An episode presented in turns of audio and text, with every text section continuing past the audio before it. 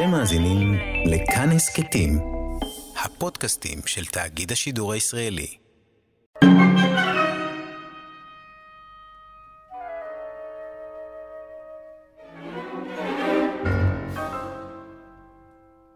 אז באו הימים המשובשים, הימים האפורים. היום נצטמצם לאותו אפיק צר של שקיעת החמה, שעה שהרכבת חולפת בדהרת טירופה, מלווה ברוך של קווי האור האחרונים. היום היה משועבד לשעה זו, ורק בה היה מעיד על עצמו.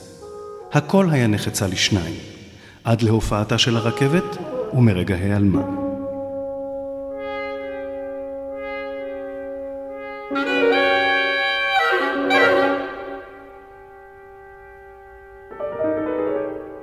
יש מזימה בכפר יתיר. אולי כבר שנים רבות היא צומחת פה.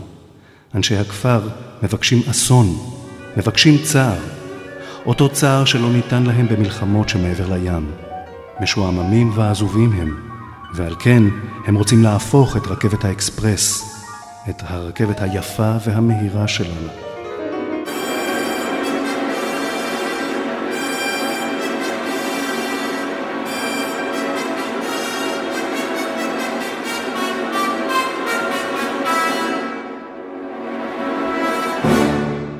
מילים שמנסות לגעת.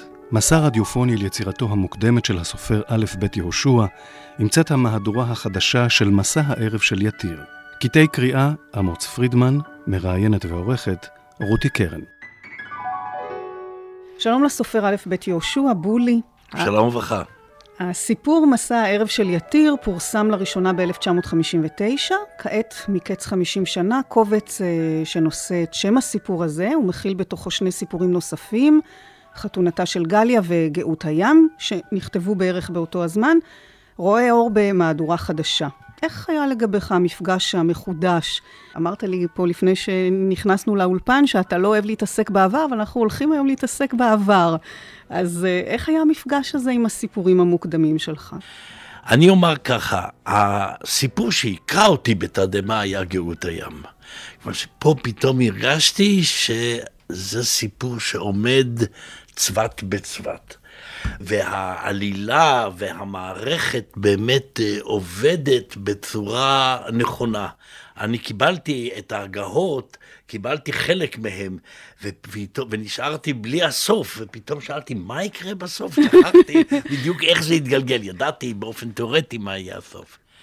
אלה סיפורים שכמובן התרחקתי מהם מבחינה סגנונית, אבל הצד הסוריאליסטי, הפנטסטי, האבסורדי שבהם מאוד דווקא מושך אותי, ונופל עכשיו טוב על הרומן שאני עסוק בו עכשיו. אז זהו, אנחנו עוד נדבר על זה. כמה זמן לא קראת את הסיפורים האלה?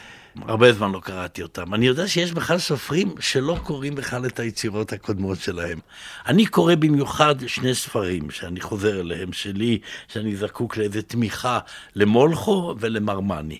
שניהם בעצם פואטיקה שונה לחלוטין, אסתטיקה שונה לחלוטין, אבל מהם אני מקבל לפעמים ככה כמו ששותים איזה כוס קוניאק כדי לעורר את הכתיבה שאני עוסק בה עכשיו. בסיפורים האלה לא, כיוון שהלשון נראתה לי רחוקה יותר, מנופחת, חגיגית יותר מדי, וגם כאילו הפסיכולוגיה נראתה פחות מהודקת. כשאתה שב וקורא את הסיפורים האלו, אתה מזהה מרכיבים, גם מבחינת התכנים, גם מבחינת הסגנון, כאלו שהולכים איתך לאורך הכתיבה כל השנים, או כאלה שהיו ניצנים בסיפורת המוקדמת והלכו והתפתחו ביצירות הגדולות שבאו אחר כך? כן, אני חושב שיש כאן בכל הסיפורים את אותו דבר שהוא לוקח איזה תמה לוגית ומהפך אותה באבסורד.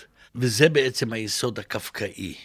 כלומר, שאתה לוקח נניח סיפור של כפר עם רכבת שאמורים להיות משרתי הרכבת ועוזרים לה ומזדהים איתה והנה הם באים ואומרים אנחנו רוצים לדרדר את הרכבת כדי להתחבר אליה יותר טוב ואז האדם, הסמכות שהייתה צריכה לעצור אותם, כלומר גם מנהל התחנה ובעיקר המפקח הכללי, משתפים איתם פעולה. בהנאה גדולה. בהנאה. ואני מזהה את זה גם בגאות הים, כאשר אני רואה איזה מין סמכות גדולה של ספר תקנות, ומתוך איזה מין הערצה לספר התקנות של הסוהר הצעיר הזה, שמזדהה כל כך עם כל המאסר וכולי, והוא בסוף מגיע לכך שהאסירים אוסרים אותו, הוא נשאר לבדו, והם משתחררים. וגם בחתונתה של גליה שיוצאת איזה מין פגניות כזאת דרך איזה עץ זית שהופך להיות לנהג האוטובוס שמוביל את הבחור הזה אל חתונתה של אהובתו לשעבר והופך את הדברים. בכל שלושת הסיפורים הללו, אם אני מזהה את זה, ואני חושב שאני מזהה את זה עכשיו, כשאני, יש לי איזו התייחסות צדדית אליהם דרך הרומן שאני עובד עליו עכשיו, היה לי רצון לשבור באיזשהו מקום את הסמכות המטאפיזית. לגחך אותה, להראות את בעיותיה, להראות את מעלליה, להראות את שותפותה בדברים שהם לא מוסריים. כלומר, זה לא בדיוק רק אלוהים, זה דבר הרבה יותר עמוק מאשר אלוהים. זה לא האלוהים היהודי שיוצבים נגדו בטענות כאלה וכאלה. זה בעצם לשבור. את הדברים האלה אתה מוצא שלקחת איתך גם אחר כך לספרים הבאים? אני חושב הבאים? שלקחתי את זה גם איתי. אני רואה את זה, את הצד החתרני הזה כנגד הסמכות המטאפיזית. זה פחות נעשה בצורה אה, רומנטית וישירה כמו בסיפורים האלה. זה סיפורים של צעיר שעומד באיזה מין מרדנות ראשונית. צריך לעשות את זה בצורה כמובן הרבה יותר מתוחכמת והרבה יותר אה, סובטילית והרבה יותר גם נכנעת לחוקים פסיכולוגיים. כאן אין פסיכולוגיה, יש דמות, היא נתונה והיא עובדת על פי התנועה המריונטית של המחבר. אחד הדברים שבאמת שבו ועלו בניתוחים ובהתייחסויות לסיפורים הללו, גם ברעיונות שנעשו איתך, היה באמת מה שאתה מציין, איזושהי חתרנות או מרד, חידוש או החירות שהבאת בסיפורים שלך לעומת היצירה הספרותית שהייתה מקובלת עד אז על ידי מי שנחשבו סופרי הדור הקודם. עכשיו, אני מתקשה להאמין שכשהתחלת לכתוב, אה, היית חדור איזה... סופר לא קם בבוקר ואומר, אני אהפוך את העולם. אני לא חושבת שזה עובד ככה. אני חושבת שכשמישהו מתחיל לכתוב, כנראה מרגיש צורך אה, לכתוב, ואולי בדיעבד לגלות שהנה אני מביא בכתיבתי משהו שונה. אתה יכול לאבחן מה בכל זאת הטריד אותך, או מה הוביל אותך לכתוב כך, באופן המסוים הזה, שהוגדר אחר כך כחידוש. תראי, הדור שעמד ממש מאחוריי, דור מלחמת השחרור, או דור הפלמ"ח, כמו שקוראים לו, הייתה לו חוויה מאוד מוגדרת. חוויית הקמת המדינה, חוויית המאבק על הקמת המדינה. ולאחר מכן, מה קורה עם המדינה הזאת. הם בגיבוש גם האידיאולוגי שלהם, גם עם רקע סוציאליסטי ברור שהיה להם, יצרו רומנים ריאליסטיים, היה להם לשון עשירה, למשל לוקח את יזהר שלשונו הייתה עשירה מאין דוגמתה, ומעולם לא חשבתי שאפשר לי להגיע אפילו לקצה קצה הרמה הלשונית שלו. אני כשבאתי, המדינה כבר הייתה, זאת אומרת הזהות הייתה. התחלתי לכתוב ב-57, זה היו שנים שקטות מאוד. נגמרה מלחמת סיני, שהשתתפתי בה, נגמרו בעצם המאבקים הראשונים, ופתאום המדינה נכנסה לאיזה שלווה ולאיזה... ואז היה מותר לעסוק בשאלות אחרות, שאלות אקזיסטנציאליות אחרות.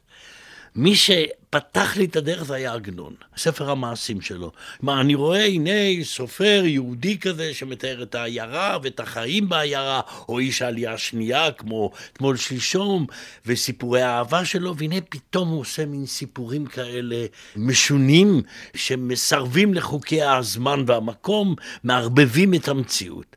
זה נתן לי לגיטימציה. ועגנון השפיע על איזה שישה סופרים, כל אחד מהם, הוא השפיע עליהם בצורה אחרת, זה מראה רק מה הייתה גדולתו. ואז כנראה בא הדבר הזה, המרד, המרד המטאפיזי שלי, המרד נגד המטאפיזי. ההרגשה שהעניין המטאפיזי הדתי הוא מאוד מאוד עמוק בעם היהודי.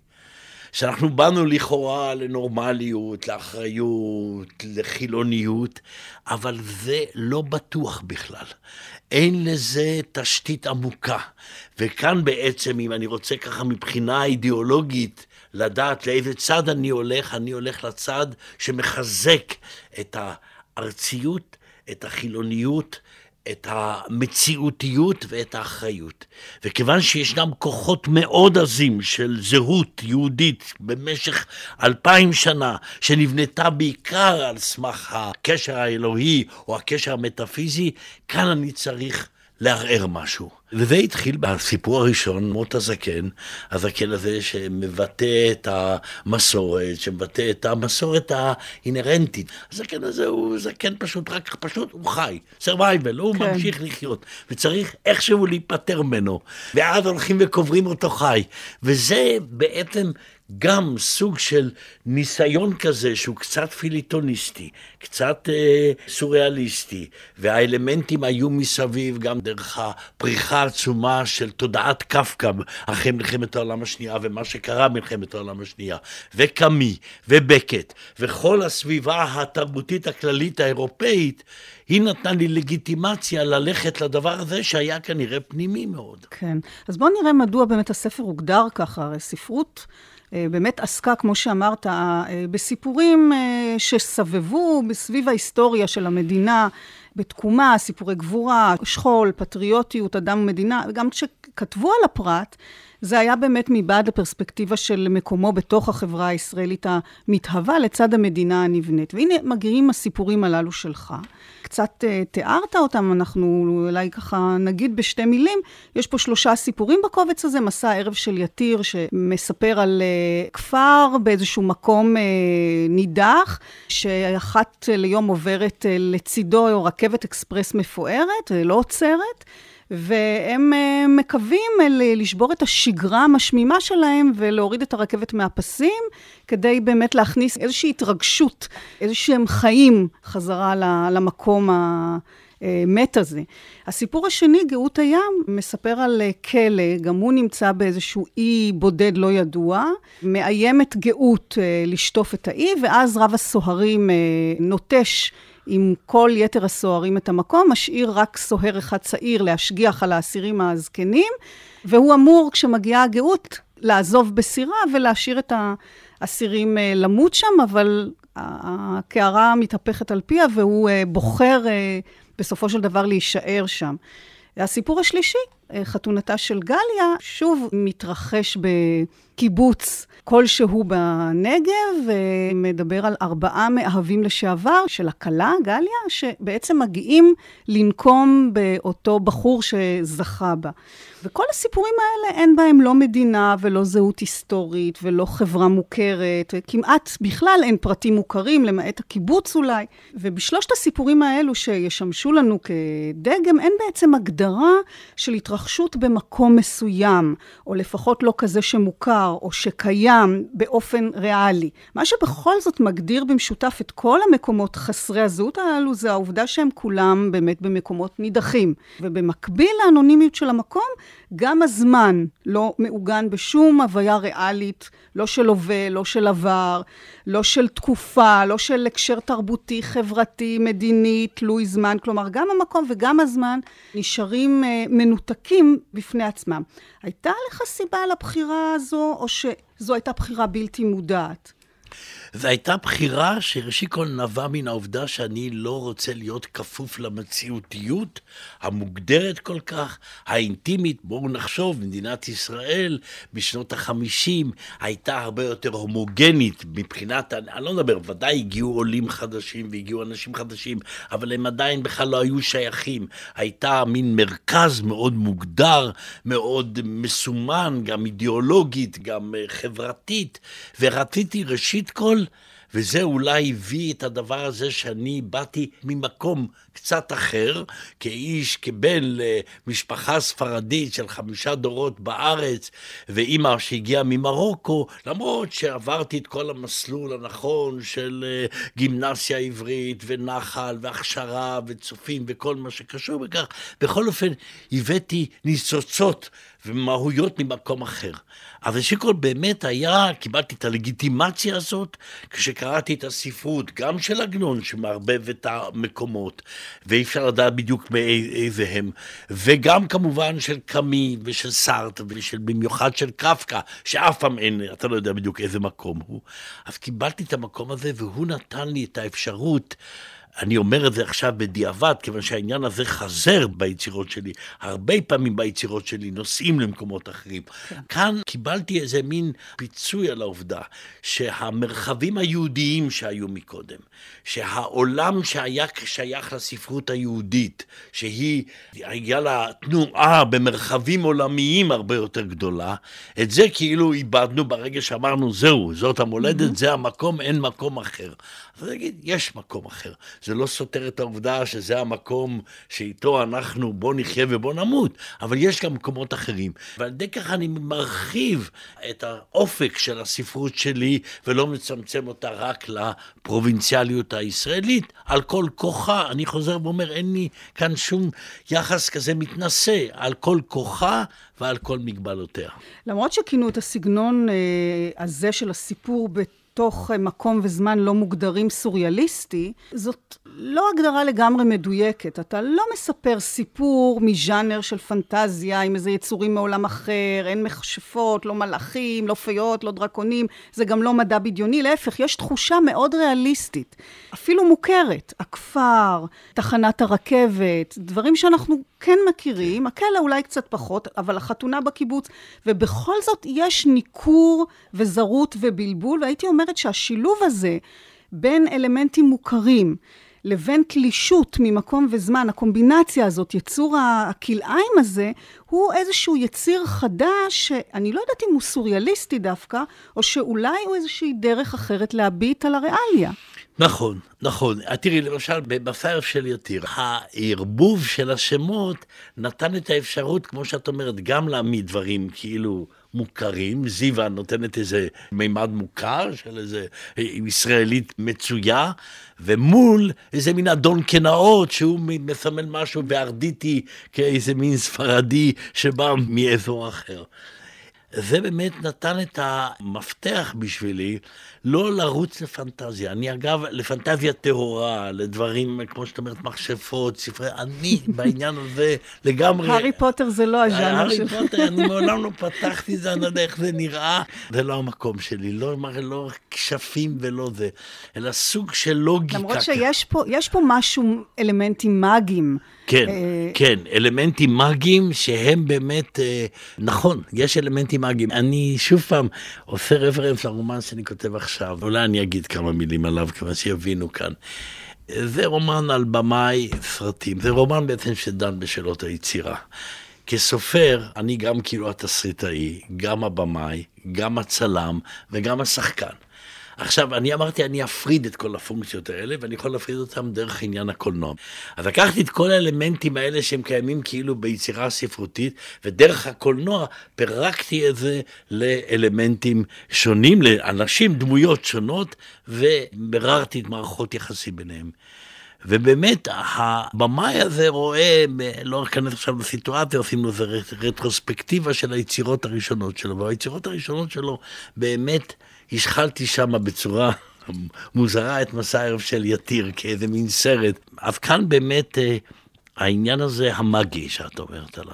המאגיה הזאת הייתה חשובה לי כדי לקעקע את האינטימיות היותר מדי חברותית, אידיאולוגית הזאת. שוב פעם, צריך לזכור, אני נכתבו בשנות החמישים, כאשר היה כאן איזה שלטון יציב כזה, היום אנחנו כל כך הרבה יותר פלורליסטיים, רב-תרבותיים.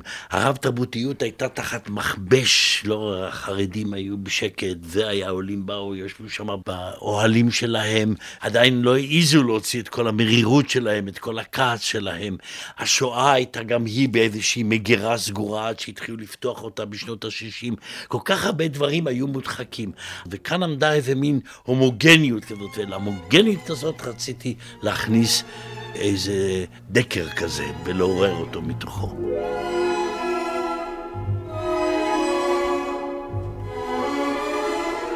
רוחות הצפון בחמתן, שעה שהן נאחזות תזזית ופורצות במחול של השתוללות לאורך רוכסי הרי גזיב האיתנים, הומות אל הסלעים וצונחות, מייללות בין הוודיות. רוחות הצפון הדורסניות, שלא משיירות פינה אחת בלא לפוקדה, הן לבדן היו יודעות את הכפר הקטן יתיר, החבוי בודד, בצלע אחד הערים המסולאים, הנטויים אל תהומיותו של גיא סאוחים, שבדרכו הארוכה והפתולתלת, מגיע לעמקות רבת סתרים לרגלי הכפר הלבן. וככל שגדלה הבדידות, וככל שנתבהר באכזריות שאין כדוגמתה שלנצח יהיה הכפר בודד, נתעצמה אותה דבקות מסתורית בחזרה המדויקת והמתמיהה כאחד. צייתנים וקשובים עקבנו, מדי ערב, אחר מרוץ הרכבת המהירה. הסיפורים האלו, כמו שאמרנו, נטולים הקשר מקום וזמן, וגם העלילה די מצומצמת, אין לה הסתעפויות, היא די ממוקדת מטרה. להוריד את הרכבת כן. מהפסים, להשגיח על האסירים, לנקום בחתן כן. אה, של גליה. זה ההפך הגמור מצורות הסיפור שלך ביצירות המאוחרות יותר, שכל כך מסועפות ומורכבות, ומעבר לכך, גם הדמויות כאן לא מפותחות לעומק. נמסרים עליהם פרטים מועטים, זה יותר אולי רישום של דמויות, אין רבדים פסיכולוגיים וגם אין אה, פיתוח של מערכות יחסים בין הדמויות, ודווקא ההיעדר הזה של דמויות מלאות ועומקים רגשיים ומניעים וסיבות וכולי, דווקא זה מפנה מקום באופן פרדוקסלי את כל הזירה הספרותית לרגשות, יותר מכך אולי ליצרים, ולביטוי נפשי טעון פסיכולוגית שהוא אוטונומי מן האנשים, באופן קיצוני אפילו, שמוגשים בצורה ישירה, כלומר כל הרגשות כל המארג, כל המנגנון הפסיכולוגי נמצאים בפרונט, כאילו יש להם חיים, כמו ישויות. והגיבורים או הדמויות בסיפור, הם אולי, זו הייתה התחושה שלי, רק שליחים או נושאי כלים של הביטויים הנפשיים, שהם הגיבורים בעצם. וזה לא סוריאליסטי או לא ריאליסטי, אלא זו זווית הסתכלות מהופכת, כמו מבפנים כלפי חוץ. את צודקת מאוד, לפי דעתי את הגדרת את זה עכשיו, הגדרה מאוד מדויקת של העניין של הקשר בין הפסיכולוגיה ובין הדמויות, כי הם שליחים. של איזה רגשות שעומדים כאילו מחוץ לדמויות, נכון. מקודם. כן, הרצון להרוס את הרכבת, זה לא נובע בגלל אה, שהדמות הזאת בישלה את זה בתוכה, אלא זה עומד כאילו כרצון, ואז באה הדמות והיא הטריגר, בדיוק, היא המכשיר לעשות בדיוק, את זה. היא האמצעי. זה, כן. זה המכשיר. כן. גם אותו דבר בגאות הים. נכון. העניין הזה של הקונפליקט בין החובה האינסופית של הסוהר לשמור על האסירים, לבין הצורך למלט את נפשו ברגע האחרון, החובות האלה שתיהן מתנגשות ויוצרות את מה שיוצרות. כלומר, הסוהר הוא רק שליח של הפרובלמה הזאת. זה בדיוק נכון. אני תוהה אם הכתיבה והעיצוב כך נעשו באמת מתוך איזו שאיפה להגיע לעומקים בצורה חריפה יותר, אפקטיבית יותר, למצוא אולי איזה סוג של חופש או שחרור מכבלים מקבילים של בוא נאמר מנהגים או כללים או אה, מקובלים של כתיבה, שבאמת כוללים עיגון בזמן ובדמויות מלאות. כן, הייתה במידה מסוימת של ניכור, ואני אסביר את זה. אני בן הארץ, כן, דור חמישי. אבל מצד אחד, מזה משפחה ספרדית, מסורתית, עם אה, רב, אף סבא היה רב.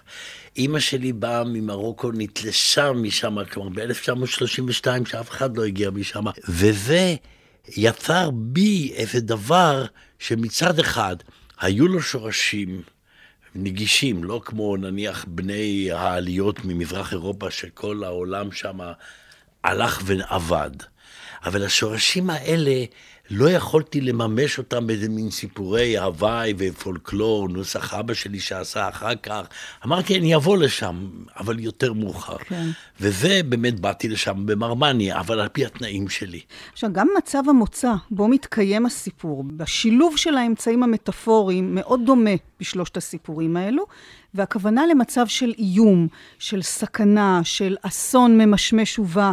במסע הערב של יתיר ובגאות הים עומדת להתרחש סערה הרסנית. גם הסיפור על חתונתה של גליה נפתח בידיעה על עצם החתונה, שעבור הגיבור יש בה משום כליה עבורו. כן. הוא אומר שם, זה הסוף. נכון. ובעצם האיום, הסערה, הנידחות של המקומות, יש בהם גם הסמלה מאוד כבדה לכיוון תהומות הנפש, לכיוון המקומות הנסתרים שאינם גלויים בנפש, המקומות החשוכים שמתוכם צומחים יצרים אפלים, והתיאור הזה של הסביבה, של הטבע, הולך בד בבד עם ההתרחשות הפנימית שעוברת על הגיבורים, הם כולם בסערת נפש שתביא עליהם ועל סביבתם אסון.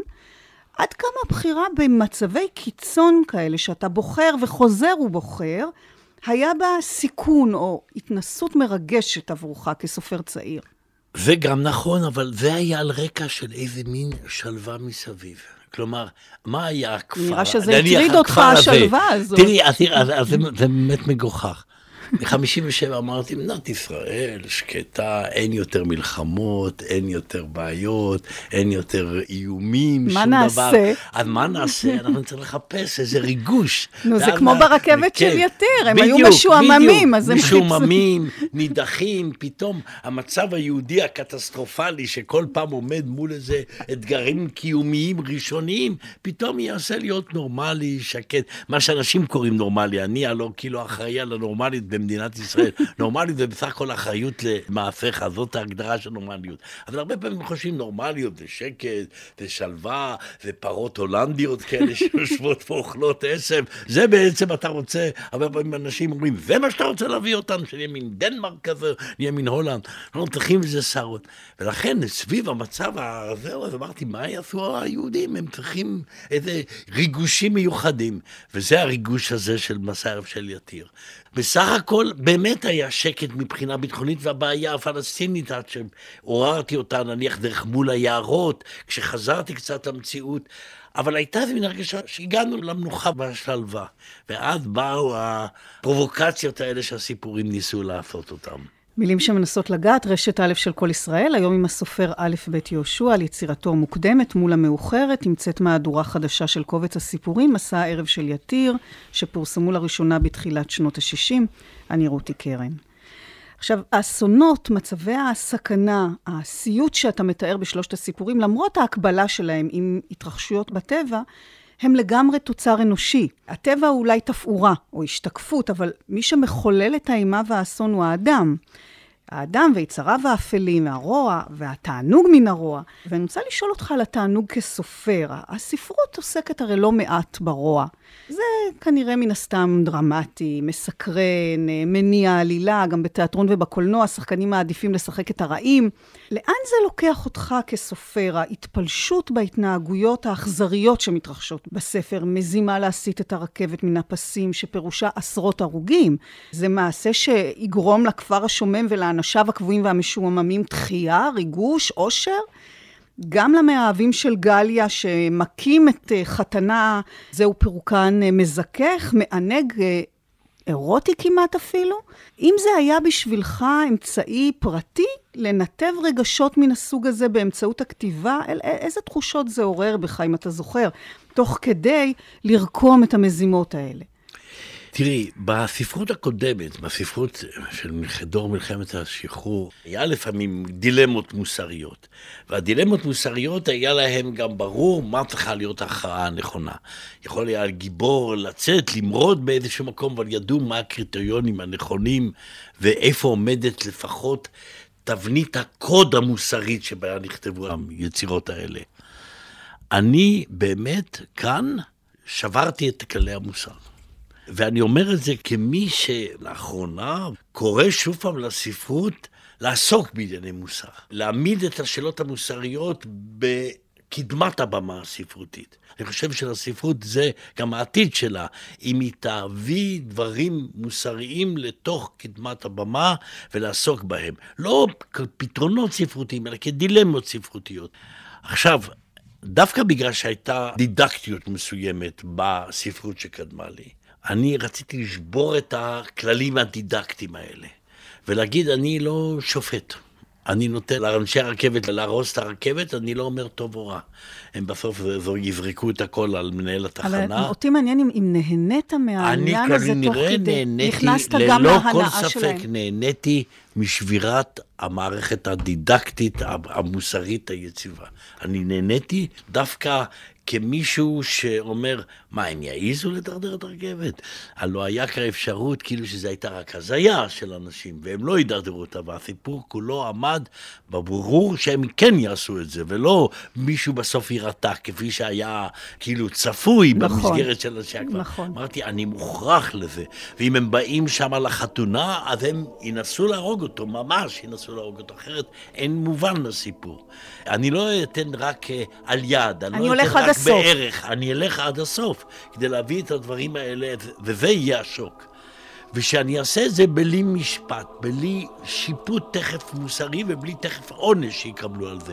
כלומר, אני פותח את כל המערכת המוסרית בצורה ברוטלית, ברמה מסוימת, אם את תרצי, ניקח נניח אה, דוגמה מקבילה לזה, זה הזר של קמי. הוא יורה שואלים אותו למה ירית? הוא אומר בגלל השמש, ולא מתחרט ברגע אחד, ואחר כך תולים אותו ושום דבר. זאת אומרת, יש כאן את הנועזות הזאת ללכת עד הסוף, לשבור את המערכת המוסרית.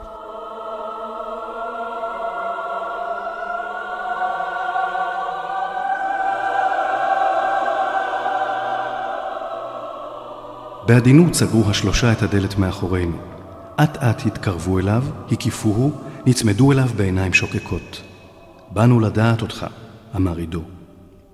שפתי השבוי נפרטו בבת שחוק של מבוכה, אבל רצינותם הקודרת של השלושה מחתה תכף את חיוכו. המעגל נסגר עליו.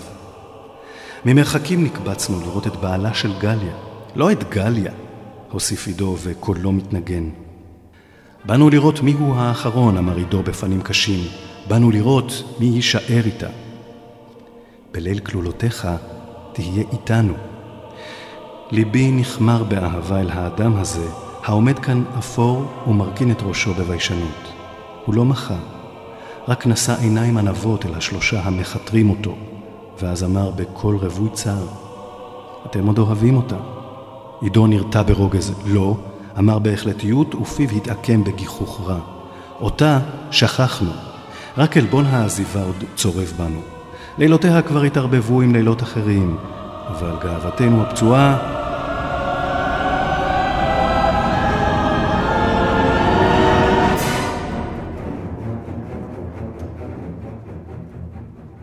נפלה דממה בחדר. פתאום, כאיש אחד, שלחו אליו את ידיהם, תפסו במכנסיו, אחזו בחולצתו והרימוהו מעט מעל הרצפה. רגליו פרפרו באוויר, אך הוא נשאר בשלוותו, נמוך ובהיר, ונעץ בהם את עיניו הפעורות.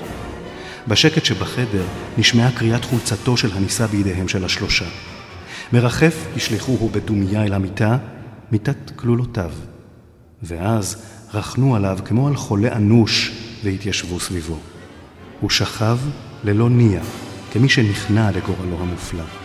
וכמו נסתמאו לפתע, שלחו השלושה את ידיהם למוש אותו. אט אט סגרו על גופו בהתפתלות עייפה. אחר נהפכו לפקעת איברים רוכשת אחת המתגלגלת על המיטה. ודני הנחנק עבד אי שם מתחתיהם. הם ימיתו אותו, שמחתי בפינתי. אך הוא הסתער לפתע בשארית כוחותיו, נחלץ מתוך צבת הידיים האוחזות בו, ונמלט אל מרכז החדר. פרוע שיער, חולצתו קרועה, מכנסיו פרומים, ובצווארו סימני אצבעותיו של ארדון. בעיניים מתרוצצות הסתכל בשלושה שנותרו כלואים זה בזה על המיטה. כן, ריחמה עליי, נזכר ופרץ בצחוק מרושע. דווקא אני ריחמתי עליה. השלושה קפאו במקומותיהם, דמי נדרך. הוא משקר. קרבתי אליו אט אט, טירוף שכרונו גאה בו.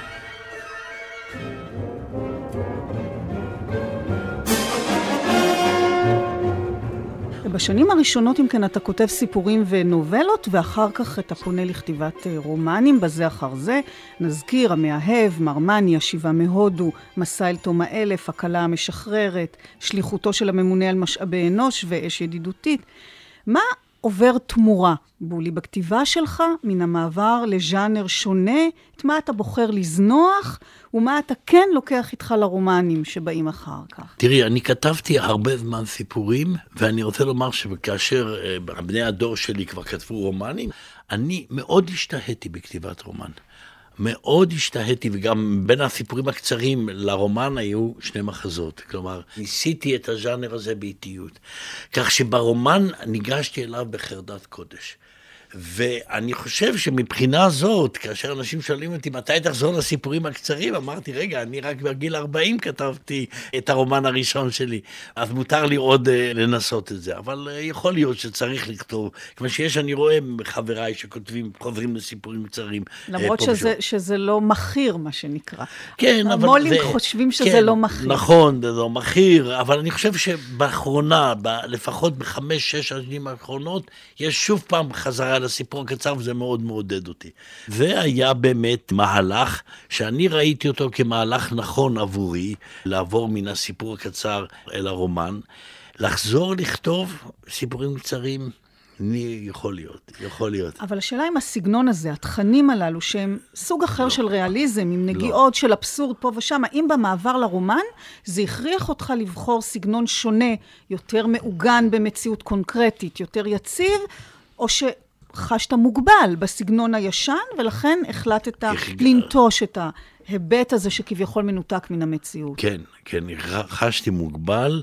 גם קרה מה, את יודעת, הייתי כותב סיפור בשנה. הקצב היה הרבה יותר איטי. וזה אולי גם הליטוש היה, הייתי כותב שורה אחת ביום והייתי מרוצה. ברגע שקיבלתי את העניין הזה של המונולוג, שראיתי את זה אצל פוקנר, אז פתאום הדברנות, שדמות מדברת, זה נתן לי פתאום את השחרור, לטוב ולרע. זהו, שאחד הדברים שבאמת אפיינו את הסיפורים המוקדמים, אולי גם משום שהם סיפורים קצרים ולא רומן רחב יריעה, אלו הדמויות, הריקנות והבדידות שלהן, חוסר קשר כמעט, או יחסים מוגבלים עם דמויות אחרות. המספר הוא הגיבור, והדמויות, כמו שאמרנו קודם, חסרות משמעות בעצם. מה שחשוב זה הסיטואציה שמונעת בידי יצרים, אבל עיצוב מי שמחולל אותה לא היה מאוד מאוד חשוב. בעוד שאתה פונה לרומן, הוא מאכלס לעיתים אה, עשרות דמויות, שביניהם ישנן אה, מערכות יחסים מסוגים שונים, מורכבות, מסובכות, בקשרים שממש אינם ניתנים להתרה. לכל דמות יש עומק פסיכולוגי מסובך, וההתרחשות כולה מתקיימת במקום ספציפי, בזמן ספציפי. וכפועל יוצא מן הספציפיקציה הזו נכנסות גם דעות, והשקפות, והתייחסויות למצב חברתי, פוליטי, תרבותי, דברים שחשוב לך להביע את עמדתך לגביהם. הסיפור הוא לא רק סיטואציה דרמטית, אלא באמת שילוב של עלילה סיפורית עם דמויות מלאות שמניעות אותה. אז מצד אחד הסיפור אולי כבר לא מעשה ספרות טהור אולי, מצד שני, הכתיבה נעשית יותר עשירה, יותר מקיפה, וזו אולי תובענות גדולה יותר. איפה אתה מרגיש יותר נוח? והאם באמת המעבר לכתיבה רחבה, עמוקה, בעצם נאלצת לוותר על משהו מאוד מהותי מן הכתיבה המוקדמת? אני זוכר, גרשון שקד, שאהב את הסיפורים האלה, אז הוא אמר, בולי, תדע לך, זה בסופו של דבר מבוי סתום. ולכן תרחיב לפסיכולוגיה, לחברה. וזה היה נניח כאשר התחלתי מול היערות, למשל. זה הסיפור הראשון, שדווקא, נכון, שם יש אותו ניכור ויער כזה, שזהו, פעם אותם אלמנטים. אז היה כבר איזו בעיה מסוימת, שאפשר היה לסמן אותה בעיה חברתית, בעיה פוליטית שקשורה בערבי.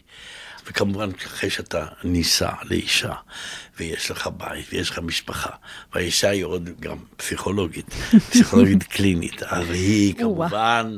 ואתה מדבר כל הזמן על בני אדם, ואתה רואה שבני אדם הם הרבה יותר מורכבים, ואתה צריך להיות קשוב יותר לפסיכולוגיה שלהם, ואתה לא יכול לקחת אותם כמו מריונטות ולהגיד, תעשו את זה, תעשו את זה, כיוון שאני בעל הסיפור אומר לכם, תפוצצו רכבת או משהו מן הסוג הזה. אתה צריך להבין יותר את הפסיכולוגיה של האנשים, לראות את המוטיבציות שלהם. אז כמובן שזה האזור שבו אני כותב, אבל כשאת שואלת את השאלה הזאת, והיא שאלה חריפה ונכונה, האם... לא חסר לי לפעמים האלמנטים האלה. אז אני אומר כן, ואסור לוותר על זה, לטובת עוד מציאות חברתית ובעיות שיש לנו מבלי סוף, וצריך לשמר את הדברים האלה. ואני מקווה מאוד שבמה שאני עושה עכשיו, אני משמר הוא מחדש משהו מהאלמנטים האלה שהיו בסיפורים האלה. זה בדיוק נפל, שמנחם בא ואמר לי, בוא נוציא את שלושת הסיפורים האלה, פתאום זה נראה לי נכון ומתחבר. משהו שבכל זאת נותר ומזין גם את הסיפור ברומן, גם את אה, אופן ההתנהגות של הדמויות ברומן, היא איזושהי אובססיה, איזה דיבוק, איזו הפרעה, כל אחת סוטה באיזשהו אופן מן הנורמה, ומכאן נוצרים גם קונפליקטים, וכך מתקדמת העלילה, וכך מתפתחות מערכות יחסים מסובכות. זה עניין שמעסיק אותך, על זה לא ויתרת, שאתה לא חוזר ויתרתי. וכותב כמעט בכל סיפור למין ההתחלה. האובססיה, הדיבוק הזה. האובססיה נשארת, כן, נכון, האובססיה ככוח מניע. אז ריבלין, בכלה המשחררת, האובססיה לדעת מה קרה לבן שלו. והאובססיות האלה שנמצאות במרמני, שמובילות כל מספר שם, למצוא את האובססיה האידיאולוגית, הפוליטית וכולי. או השליחותו של הממונה, פתאום נכנס האובססיה הזאת של הכפרה והולך איתה. אובססיה זה בשבילי אחד מן האלמנטים שמקיימים אותי גם כנראה במישור אנושי, אבל שם זה נרתם לעבודות בית טובות ול... זה אובססיה וגם הפרת גבולות. כן, גבולות, ש... כן. שגם אף... זה... למשל, באמת הזכרת את הכלה המשחררת, אז באמת שם הקווים נחצים ללא כן. סוף. בכל רמה אפשרית, זה מגיע עד גילוי עריות. כן. אז יכול להיות שבאמת להסיט את הרכבת מהפסים ולגרום להרג או להכות חתן בערב חתונותו, אלו חציות גבול חריפות ואלימות.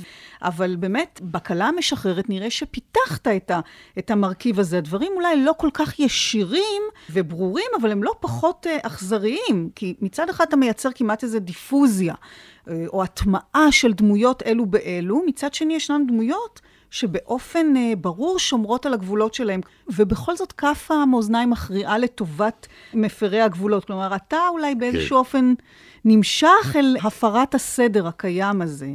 דווקא בגלל שאני כל כך מאמין בגבולות, אני חושב שצריך... אז אתה צריך את זה. אני צריך לחצות אותם כדי אחר כך לייצב אותם נכון יותר. אני רוצה לומר גם לגבי הדמויות הנשים בסיפורים, הן רומנטיות, הן ארטילאיות, משהו כזה.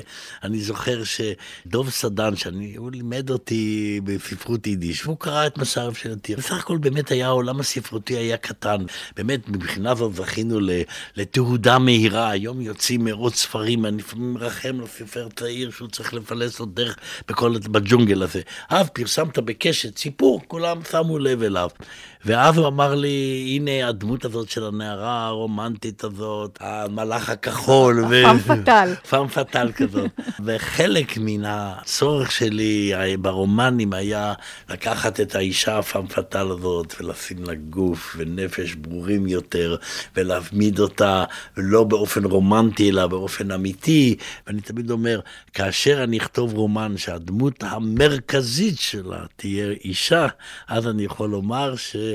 הגעתי למטרתי בזה שפתחתי את האני שלי לאני אחר לגמרי. אז זהו, אתה באמת מזכיר את הדמות של האישה, והזכרנו את הכלה המשחררת בכפיפה אחת עם שלושת הסיפורים בקובץ, וקשה שלא לתהות על הקשר בין גליה, הכלה בסיפור חתונתה של גליה, ואני אתוודה ואני אספר שיש לי עניין מיוחד כן. בסיפור הזה ובדמות הזאת, משום שלפני כך וכך שנים, אה, אני שיחקתי את דמותה של גליה בעיבוד קולנועי של הבמאי רמי קמחי, לסיפור הזה שלך, ואני באמת זוכרת את התחושה, תוך כדי משחק, תוך כדי עבודה על הדמות בסרט, של ללכת על הקצה, בתוך סיטואציה שמוכרת לנו כבורגנית, חתונה.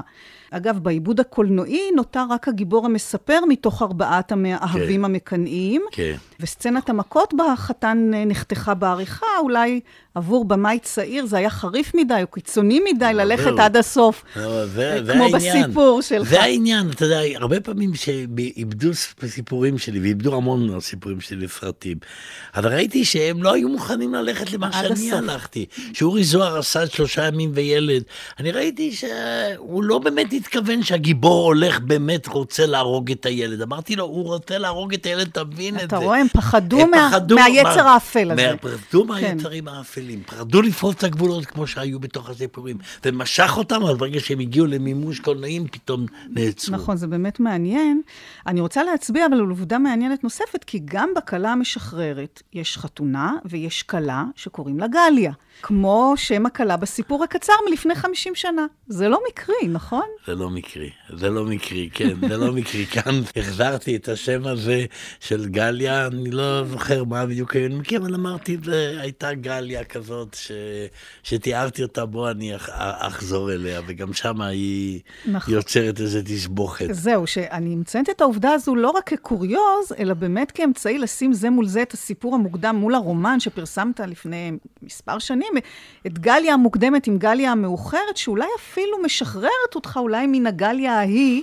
כי גם בחתונה בכלה המשחררת קורים דברים מאוד קיצוניים. כן. נפתחות מערכות יחסים מסובכות, יש אלימות גדולה. כלומר, כלה אולי יש בה משהו, דיברנו על מגי, משהו באמת אה, פטאלי, מגי, שקיים גם בחתונתה של גליה, והכלות... החתונות, אלו ישויות או אירועים שיש להם השפעה גדולה מעבר למה שהם. חתונה זה דבר מכריע ביותר, והוא יישאר מכריע עד סוף כל הדורות. אפילו שיעשו אותו בקפריסין, באיזושהי דרך טכנית לגמרי אדמיניסטרטיבית, עדיין זה אקט משמעותי ביותר, ואני מקווה שהוא יישאר ככה. אתה מוצא אבל קשר בין שני הסיפורים האלה במרחק של הזמן? אני לא חשבתי על זה, אני לקחתי את גליה באמת, כמו שאמרתי, זה שם שכאילו היה צמוד לי דרך חתונתה של גליה, שיש לו גם כן הרבה חסידים. גליה, אז השתמשתי, אני לא, לא יודע על הקשר, אבל כן, יש איזשהו קשר, אבל לא נוכל לעשות את זה במסגרת של דיון ברדיו. אתה תלך לחקור את זה אחר כך. אני אחקור, לא. הסיפורת המוקדמת שלך, אמרנו, התאפיינה באיזה ריאליזם אה, מעוות, אבסורדי, גרוטסקי, לפעמים אפילו סוריאליסטי, ועם השנים, כאמור, הלך הפער בין עיצוב הסיטואציות והדמויות לבין עולם ריאליסטי, קשור מקום וזמן, הוא הלך וקטן. ועם זאת, אתה לא זנחת לחלוטין את הפן הסוריאליסטי, אפילו הקרנבליסטי. כן. וסצנות כאלו באמת שזורות ברומנים הריאליסטיים אה, ביותר שלך. שוב, בקלה משחררת, ספר שאני מאוד אוהבת, אה, סצנת הערב השירה ברמאללה. הדיבוק. שהיא סצנה שכביכול מעוגנת באיזושהי מציאות פוליטית וחברתית, ויש לה אפקט אחר מאשר סוריאליזם שלא קשור אה, למציאות היסטורית כלשהי. מצד אחד זה סוריאליסטי, מצד אחר זה אולי יכול להיות איזשהו אמצעי עקיף ומתוחכם שלך לשאת אמירה חברתית פוליטית, לפתוח את הראש בכיוון בלתי צפוי ואנרכיסטי, תחת מסווה של סוריאליזם. כלומר, יש כאן אולי איזה שכלול של האמצעי הספרותי הסגנוני לצרכים מורכבים יותר. נכון. עליתי עליך. עלית מדויק, עלית מדויק. הלוא הדיבוק שם זה באמת, זה גם מסביר את מערכת היחסים בין סמאהר לרשד וכל זה שהוא נדבק אליה והיא צריכה להשתחרר ממנו, ושהערבים פתאום משחקים את המחזה היהודי הקלאסי ביותר.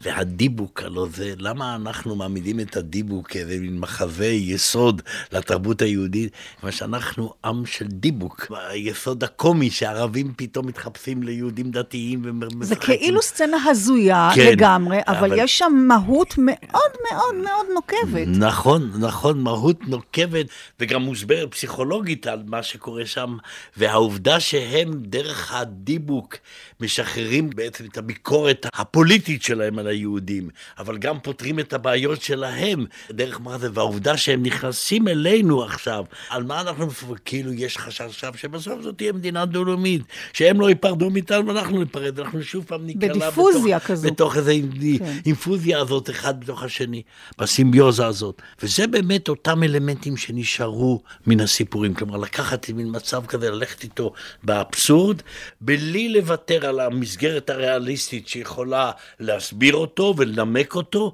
אבל בכל אופן ללכת לזה. וזה סם החיים ברומנים גם שאני כתבתי לאחר מכן.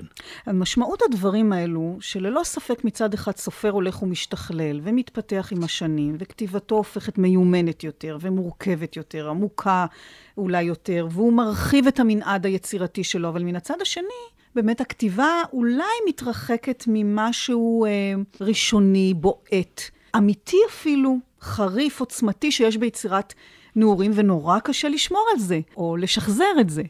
נכון, נכון, זאת אחת הדילמות שהמיומנות הופכת להיות טכנית, ואז אתה כבר כותב אה, יותר מצוות אנשים. מקצועית. והלש... מקצועית, תוך המערכת של הלשון הופכת להיות אינסטרומנטלית ולא כזאת בוקעת ראשונית. זאת הבעיות שאני היום עובד עליהן. כלומר, אני רואה את הטקסט, אני לוקח את הטקסט ושוב פעם אני צריך לטש אותו ושוב פעם אני אה, עובד עליו. להוציא ממנו את, ה... את הטכניות, להוציא ממנו את האינסטרומנטליות, להוציא ממנו את השגרת פרטיות. כיוון שפה גם הלשון הגבוהה נתנה לי גם איזה לגיטימציה. אגב, אז העובדה שגם הלשון הזאת, גם בלשון של סופרים אחרים, נניח של עמוס, או של עמליה כהנא כרמון, עמוס עוז, עמליה כהנא כרמון, היה לשון גבוהה, גבוהה. היא נתנה לגיטימציה גם למצבים האבסורדים, החתרניים האלה. כן. מה שאם היינו כותבים את זה בלשון mm-hmm. כזאת יומיומית, זה לא היה מתקבל. זה אולי גם לא היה נחשב ספרות. כן, כי, כי ספרות כן, זה בכל זאת איזה משהו כן, שהוא מעל לחיים. דרשו את הספרות. כשאתה משקיף, אה, בולי, על א', ב' יהושע, הסופר הצעיר, ואתה היית מאוד צעיר אז כשכתבת את הסיפורים האלו, בן 23, כשאתה משקיף על סיפוריו הראשונים, שחלקם כאמור מקובצים אה, מחדש כעת, מה יש לך לומר עליו? אני בכוונה משתמשת, שמה אותך כהוא, כדי שתוכל לתפוס מרחק. איך אתה תופס את סיפוריו, איזה ביקורת יש לך עליהם, ואיזה עתיד אתה צופה לסופר הזה. אני חושב שהסופר הזה היה נועז. הוא באמת אה, לקח קצת דרך חדשה, הוא לא הסתכל ימינה ושמאלה לחשוב מה יגידו עליו. אם הייתי נשאר ככותב סיפורים בז'אנר הזה, לא היה לי עתיד. והייתה נקודת התחלה טובה, חזקה, אבל צריך היה בשלב מסוים לעזוב אותה וללכת למקום אחר, ללכת לתוך המציאות ולהתמודד איתה. להשתעשע, היו גם כאן, כן, זה שעשוע אינטלקטואלי מסוים. טוב שהתחלתי מכאן, אבל טוב שהלכתי למקומות אחרים ואתה, גם. ואתה שוקד כעת על ספר חדש, ואתה מספר שבמקביל חזרת לסיפורים המוקדמים כן, שעברו כן. ליטוש מחדש. המפגש בין הסיפורים המוקדמים לספר החדש שאתה כותב, יש, אתה אומר, איזושהי הקרנה. אחד של השני. כן. משהו מן העבר זולג לסיפור היום, ואיזה אתגר אתה מרגיש שעומד בפניך כעת? אני אומר בגלל, בגלל שהסיפורים האלה, שכתב אותם תסריטאי, שאחר כך הבמאי ניתק איתו את הקשרים. התסריטאי הזה זה בעצם הדמות שכתבה את הסיפורים האלה, mm. ואחר כך נתקעה. ויותר לא כדאי לדבר על דבר שהוא בסך הכל בתהליך עבודה ונמצא עדיין בסיר הבישול ועוד יתבשל זמן רב. אז אנחנו נחכה לתבשיל. ובוודאי כן. תהיה לנו ארוחה טעימה. אה, אני רוצה מאוד להודות לך, אברהם. תודה רבה לך מאוד מאוד. גולי יהושע, תודה, תודה רבה, רבה לך. לך מאוד.